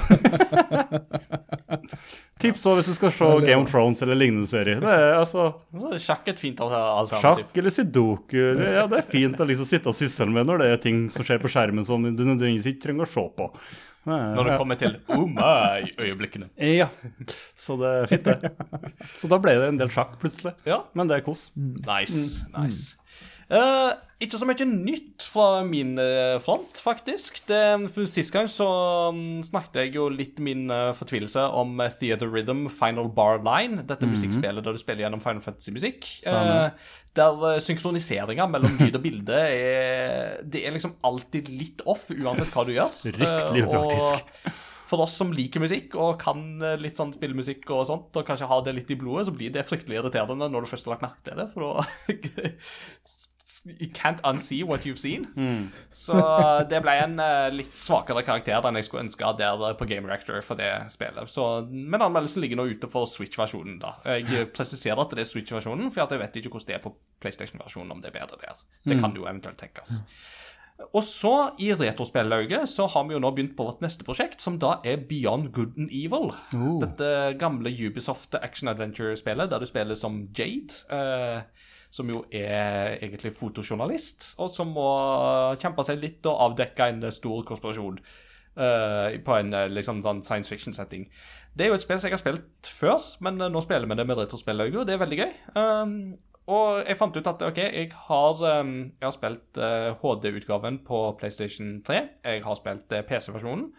Men det hadde vært gøy å spille GameCube-versjonen på uh, kasse-TV-en, som jo nå har på biblioteket og sånt. Så da fant jeg en som solgte det på Finn, og så kjøpte jeg det. Så nå sitter jeg og har liksom innvia på en måte for alvor dette her retrorommet eller biblioteket etter at vi flytta inn dit i fjor sommer. da, Så det har liksom stått til pynt litt for mye i høst. For da er det jo alle storspillene som skal dekkes, og de spilles jo på en liksom mer nyere format, men mm. nå er jeg liksom i eh, retroformatet. Og apropos det med god spillmusikk, altså, men altså, det spillet har veldig mye bra spillmusikk. Eh, noe av det husker jeg jo, men eh, noe hadde jeg fullstendig glemt, så det var kjempegøy. Og jeg mer om dette spillet kommer jo da i en egen episode, men jeg syns at dette er et spill som har holdt seg veldig, veldig godt, og som er veldig artig å spille eh, fortsatt, da. Er det der du venter på toeren, er det? Ja, det er jo der det toeren, toeren har jo vært lengste- Ja, det er jo det spillet som har vært Ja. lengst i utvikling Mm. nå. Har jo gått forbi Duke Nukem Forever i utviklingstid. Hurra, uh, og der eh, studioet i Ubisoft Montpellier det er under tilsyn av arbeidsmiljøetaten i um, Montpellier, fordi at de har så mange som har sykemeldt seg og whatnot, så Å, kjære. Ja da, jeg tror vi har god tid på å bli ferdig med det første spillet, for det sånn, og det er jo ikke så langt heller, så ja, ja. Uh, men så er det et annet retrospill som jeg har bare begynt å plukke opp siden, for jeg fikk litt blod på tannen når jeg satt på denne her uh, kasse-TV-en her, og det er jo et annet spill som jo kommer ut nå i disse dager, uh, og det er jo godeste Resident Evil 4. Og da ble jeg jo litt sånn Du, dette er veldig lenge siden jeg har spilt. Jeg har lyst til å spille det på nytt. Og det er liksom Wii-versjonen som er go to-versjonen der. For at det Altså, Wii og liksom motion-kontroller og sånt, altså det Man kan si mye om det, og det var mange spill som ikke klarte å implementere det på en god måte. Men Resident Evil 4 er faktisk et spill som nesten blir bedre av å spille på Wii sammenlignet med originale GameCube eller PlayStation 2-versjonen som kom senere. Mm. for da får du dette med at du kan sikte på skjermen med kontrolleren og så skyte. skyte. Og, det, og det funker bare så bra, altså. Og dette er jo et spill som er dette, det, det er et av tidenes mest kritikerroste spill av en grunn, for dette er et spill som er så perfekt peisa, og som har den perfekte balansen mellom det, det er zombier, eller ikke zombier her, da. Her er det jo de er infisert av parasitter, eh, kalt las plagas. eh, så de er mer sånn non- non-zombies. eh.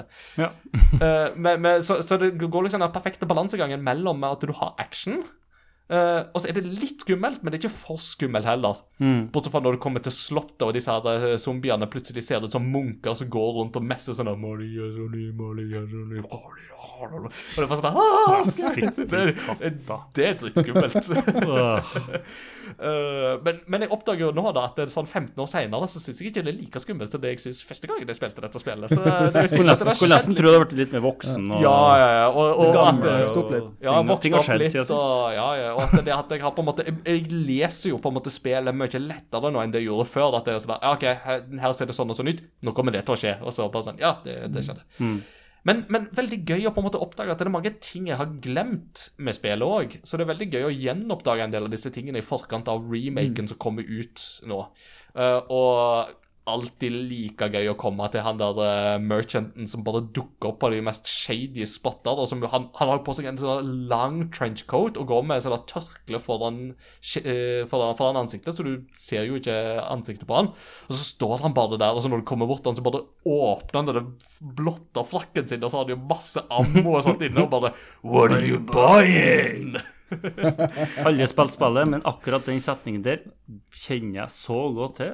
Det er sånn, det er enkelte ting som man hører ganske mange ganger. ja. Du er kjent lenge, Ingar lenge nok. Ja, og det, og det, det, det, det, det, er fortsatt, og det er fortsatt en glede når han bare kommer Got some nice things on sale, stranger. Det er liksom den og Donut i Jeg har ikke spilt egentlig Resident Evil, men det minner meg veldig om han der julenissen i Elden Ring som, som sitter overalt og, og selger ting. Det høres litt sånn ut. Ja, ja, ja, og, sånn. og, og, og altså, jeg, det, det, jeg tenker jo det at han, han må jo være inspirert av han der Resident Evil-merchanten. For han, er, han er liksom litt Altså, en gang, hvis jeg skulle ha laga altså, Nå er jo det en annen norsk spillpodkast i greia med å lage sånne topp fem-lister, men altså, hvis jeg skulle laga en sånn topp fem-liste en gang, så hadde det vært veldig gøy å lage sånne topp fem spill-merchants, og da blant annet hatt med julenissen, hatt med eh, Resident Evil 4, men òg da Beatle fra Windwaker. Ja, ja, ja. Ja, ja, ja, ja, ja.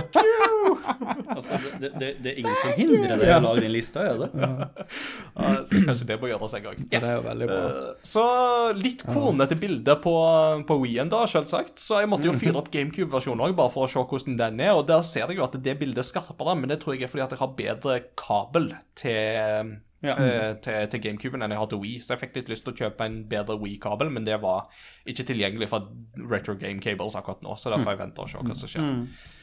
Så, men eh, veldig, veldig kos. Eh, det var det. En, en liten uh, morsom ting der med kabel til GameCube. For jeg nerda litt med GameCube her forleden. For uh, jeg hadde Det var jo da et par-tre år siden, jeg vet ikke. Nei, mer enn det. Fem år siden, kanskje. Så hadde jeg superkick på å spille Metroid Prime. Ja. Én. Eh, og det har jo selvfølgelig kommet ut på nytt. Jeg har kjøpt, selvfølgelig. Har ikke spilt den, men jeg gleder meg veldig til å sjekke hvordan det er. Eh, men Metroid Prime spilte jeg da uh, på GameCube, um, men da med moderne TV. Og så, så funker jo ikke de der gamle der. Jeg hadde jo ikke skart engang. Jeg hadde jo bare det der, den der gule te- analoge greia. som det ble kjempedårlig. Men så nerda jeg litt, for min GameCube var heldigvis den første ut, eh, den første sånn eh, eh, serieproduksjonen hvor de hadde den digitalporten. Ja. Så eh, Ja, ikke sant? Og da eh, Den, den kabelen som var designa der, er jo altfor dyr. Den der eh, eh, Ja, den ko- 2000 kroner eller noe på eBay. Så til og med Det gidder jeg ikke å kjøpe for en kabel. Nei. Men da var det noen som hadde lagd en sånn liten adapter som du bare eh, Som du hiver inn i den der eh, Inn i den digitale utgangen med da um, Med da uh, HDMI på. Og den Ja. funka sabla bra. Ingen, ingen latency med lyd, og du fikk eh, du, Det ble jo selvfølgelig bare 480P, men, men det var veldig klart, uh, klart bilde, så det var veldig fint, altså. Det eneste som var kjedelig, er jo at alle PAL-spill er jo har jo dårligere uh, sånn um, Bildefrekvens. oppløsning enn Ja, Mm. eh, bildefrekvens, ja. Så det endte jo opp da med at jeg måtte gå på eBay og kjøpe noen av disse spillene på nytt med amerikansk versjon, og en sånn her eh, disk som gjorde at jeg kunne hacke, at jeg kunne spille alle, re- alle regionene på GameCuben. Så jeg Bare- hadde min eh, Ble det, det dyrere enn 2000 kroner, eller eh? Nei, det var Eh, jo, jo, inkludert det spillet, så ble det faktisk Det- så- Men det hadde jeg nok kjøpt allikevel. Ja, For ok. hadde jeg kjøpt den kabelen, måtte jeg også kjøpt det spillet. Ja, ja, ja.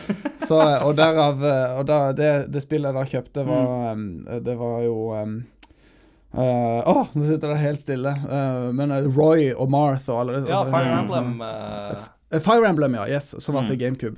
ja, Path of Husker jeg Radiance. kjøpte. Yes. Ja, det, det er et fantastisk bra spill. Og det, er jo, eh, det får du jo en god slump med penger for nå òg, for at det er jo et sånt spill som eh, eh, Fansen opp, kjente jo til det på den tida, men fordi det var på GameCube, så solgte jo ikke det så bra. Så har jo den serien eksplodert i popularitet i etterkant, og da er jo det spillet òg vokst i etterspørsel. Så hvis du har det fortsatt, så ta godt vare på det. Det ligger oppe. Ja. Amerikansk versjon. Ja, ta godt vare på det uansett. Eh, Vi har ikke dislokert hvor du bor, så don't not to worry. Nei.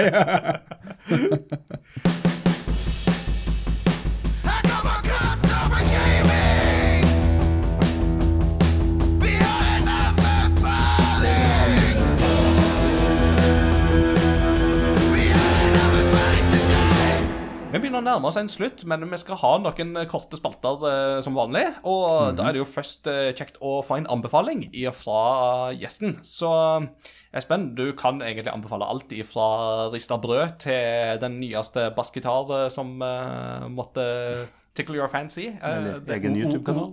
Egen, egen YouTube-kanal. Den pitcher vi uansett. Men ja, ordet er fritt. Ja, eh, det blir jo litt å repetere meg sjøl, men jeg kan jo oppsummere det litt sånn kortfatta her. Eh, I musikk eh, så anbefaler jeg 8-bit big band. Det må, må man bare sjekke ut.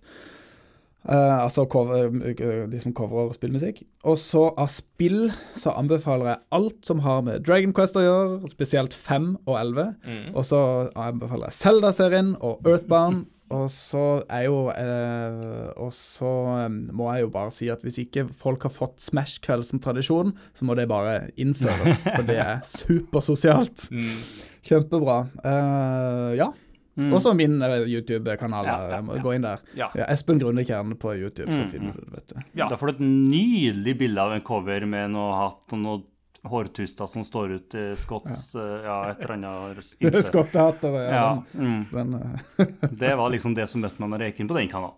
Det, så, selvfølgelig var det det. Så, så det må jo være hovedanbefalingen i dag. ja, bare for å få se Kjøp det bildet. skottehatt, gå inn på, gå inn på YouTube og lav musikk. Ja, eh, men skotterhatten må komme først. Ja. Det er klart. Helt klart. Viktig. Helt klart. For dette er en Hebereke pachinko-kontroller til Super Nintendo. It's curiosity. What are you gonna show to me? It's curiosity. What a neat thing to know. It's curiosity. What are you gonna show to me? I haven't even heard of it.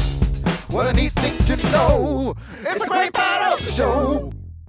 Disse her spillkuriositetene som jeg jo av og til liker å komme med, de kommer fra alle rare kilder. Eh, og den som jeg fant i dag, den fant jeg faktisk i dag på i, i nyeste bladet til Retro Gamer, som er et eh, engelsk sånn, spillmagasin som jeg eh, abonnerer på. Da får jeg jo faktisk bladene fysisk i posten. Det er litt sånn kjekt. Og så sitter jeg av og til på T-banen og leser de om eh, gamle spill og sånt. Og da satt jeg og leste en artikkel om eh, spillet Simcopter. Som var en av disse her Sim-spillene som kom fra Maxis, som jo da var jo studio som lagde SimCity og eh, den tingen der. Og da var Simcopter var et sånt prosjekt som de Som Will Wright lekte seg med, og som utgiverne var sånn Ja, vi må få det ut fordi vi må ha noe penger og litt sånt.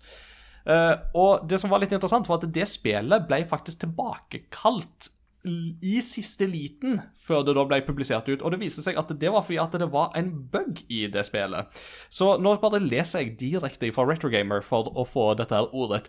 The original release of Simcopter contained what would be known as the gay Easter egg. Randomly, on some days of the week, the game would spawn several topless men running around kissing each other. It was later revealed that the Easter egg was put in as a rebellious act against the company by developer Jacques Selvin. Uh, så ja, det var, det, var tydeligvis noe da han Servin gjorde litt på skøy og litt sånn for å være litt rebell og eh, litt sånn. Wow, det er og, random. Og det var litt sånn I USA på 90-tallet så kunne du i alle fall ikke gi ut eh, noe som hadde noe sånt i, i seg. Så det var sånn av, eh, av alle ting Å måtte tilbakekalle et spill for, så er det kanskje en av de merkeligste tingene jeg har vært borti. Og det at det jo faktisk ble oppdaga, var jo ikke interessant nok i seg sjøl. Det har jeg ikke hørt før. Er... Så yes, så Simcopter er der, altså. Vi er kommet til veis ende etter en lang og innholdsrik og god episode. Jeg har lært kjempemasse i denne episoden her, og det er jo Oh, yes. noe av det jeg syns er det gøyeste. Det er jo når vi får god prat, og når vi får eh, god kunnskap og god lærdom og lærer oss noe nytt. Så det tenker jeg at det er jo kjempeartig. Så um, Espen, du skal veldig hjertelig takk for at du tok deg tid til å stille opp på dette her. Vi hadde jo litt problemer med å få lyden til før vi begynte, men eh, du var tålmodig, du, og det, vi fikk det til til slutt. Ja, det ordna seg på et vis. Ja, og, og som postludium i dag, så tenkte jeg jo det at eh, vi må jo pitche litt lyd fra din egen YouTube-kanal. Eh, og da har jeg, har jeg spurt om vi kan pitche videoen litt lyd fra den nyeste videoen du har per nå, som jo er Dragon Quest-fanfaren, eller main-temaet. Og det har du sagt ja til. Ja, veldig gøy. veldig gøy. Ja. Så da blir det litt eh, Dragon Quest-jazz eh, for å avslutte kveldens episode. Så eh, er det noe mer du har lyst til å eh, plugge før eh, vi tar kvelden? 30 spill til du spilte i fjor, var ikke det? Så, Ja, det, ja, det ikke sant, ja. Du skjønner, jeg har 30 timer i døgnet, ser du. Så. Pluss Nei, da, men, eh, nei, det har vært kjempegøy å være med. Det er utrolig gøy. Jeg har gledet meg veldig. Det, er jo, altså, det, det går jo ikke an å få noe bedre enn å sitte og nerde med, om, med spill med folk som uh, syns det er gøy å høre på i den andre enden. Altså, Det er ikke hver dag man får den kosten. Så det, dette er kjempe dette er kjempe Har ikke du elever som eh, liker å høre på Jo da, men jeg må prøve å ikke bruke for mye tid, Ja, jobbtid med gameprat. Men det er sant, det, det, det er litt sånn eh, Det blir litt Pausene går til gaming, for å si det sånn. Ja. Mm. Nei, men så bra. Så bra. Og, og kan jo alltids pitche ditt studium, for Samordna opptak er jo fortsatt åpent i snakkende stund. Så da, hva skal de søke seg inn på da? Ah, det er bra du sier, vet du. Nå blir kollegaene mine glad. Eh, og da må dere selvfølgelig søke på musikk og studium på universitetet. Der er det et årsprogram hvor jeg underviser i musikkteknologi og gehør og litt sånn arrangering. Eh, og flere fag. Uh, og vi har hatt nydelige kolleger. Det er flotte, flotte lærere der. Kjempebra. Så det er det ene, hvis du trenger et årsstudium. Eller så har vi jo utøvende bachelor og master i både rytmisk og klassisk musikk. Og uh, vi har grunnskolelærerutdanning med spesialisering i musikk et halvår der. Så eh, det er bare å eh, glede seg. Det er bare å komme til Kristiansand så lenge regnet forsvinner. Nå kommer snart sola, og da blir det koselig, vet du. Ja, Kom det er her og musikk. Nice. Så det er en eh, god mulighet. Mm. Og Peter, du har vel kanskje fortsatt òg noen ledige plasser. Så Bibelskolen ja, Fjelløy har vel òg litt ledig på gaminglinja, så Mm. der er det jo bare å søke seg på det. Da er- søker Kjære de et på år med gaming, hallo. Ja, Det, kan reise til Japan med oss. Hva er Mm. Kan ikke ha det bedre. Nei, det, det, det er veldig bra. Så uh, pitche den òg veldig gjerne. Eller Ja no, takk for det, heter det. Yes, please and Så, thank you. Mm. Eh, Podkasten Crossover Gaming er tilbake igjen etter påske, men eh, du kan jo henge med oss eh, i Discord gjennom hele påsken, så det må du bare gjøre. Gå på crossovergaming.no, så finner du lenker der til våre sosiale medier. Vi snakkes ved neste korsvei. Ha det bra! Ha det bra!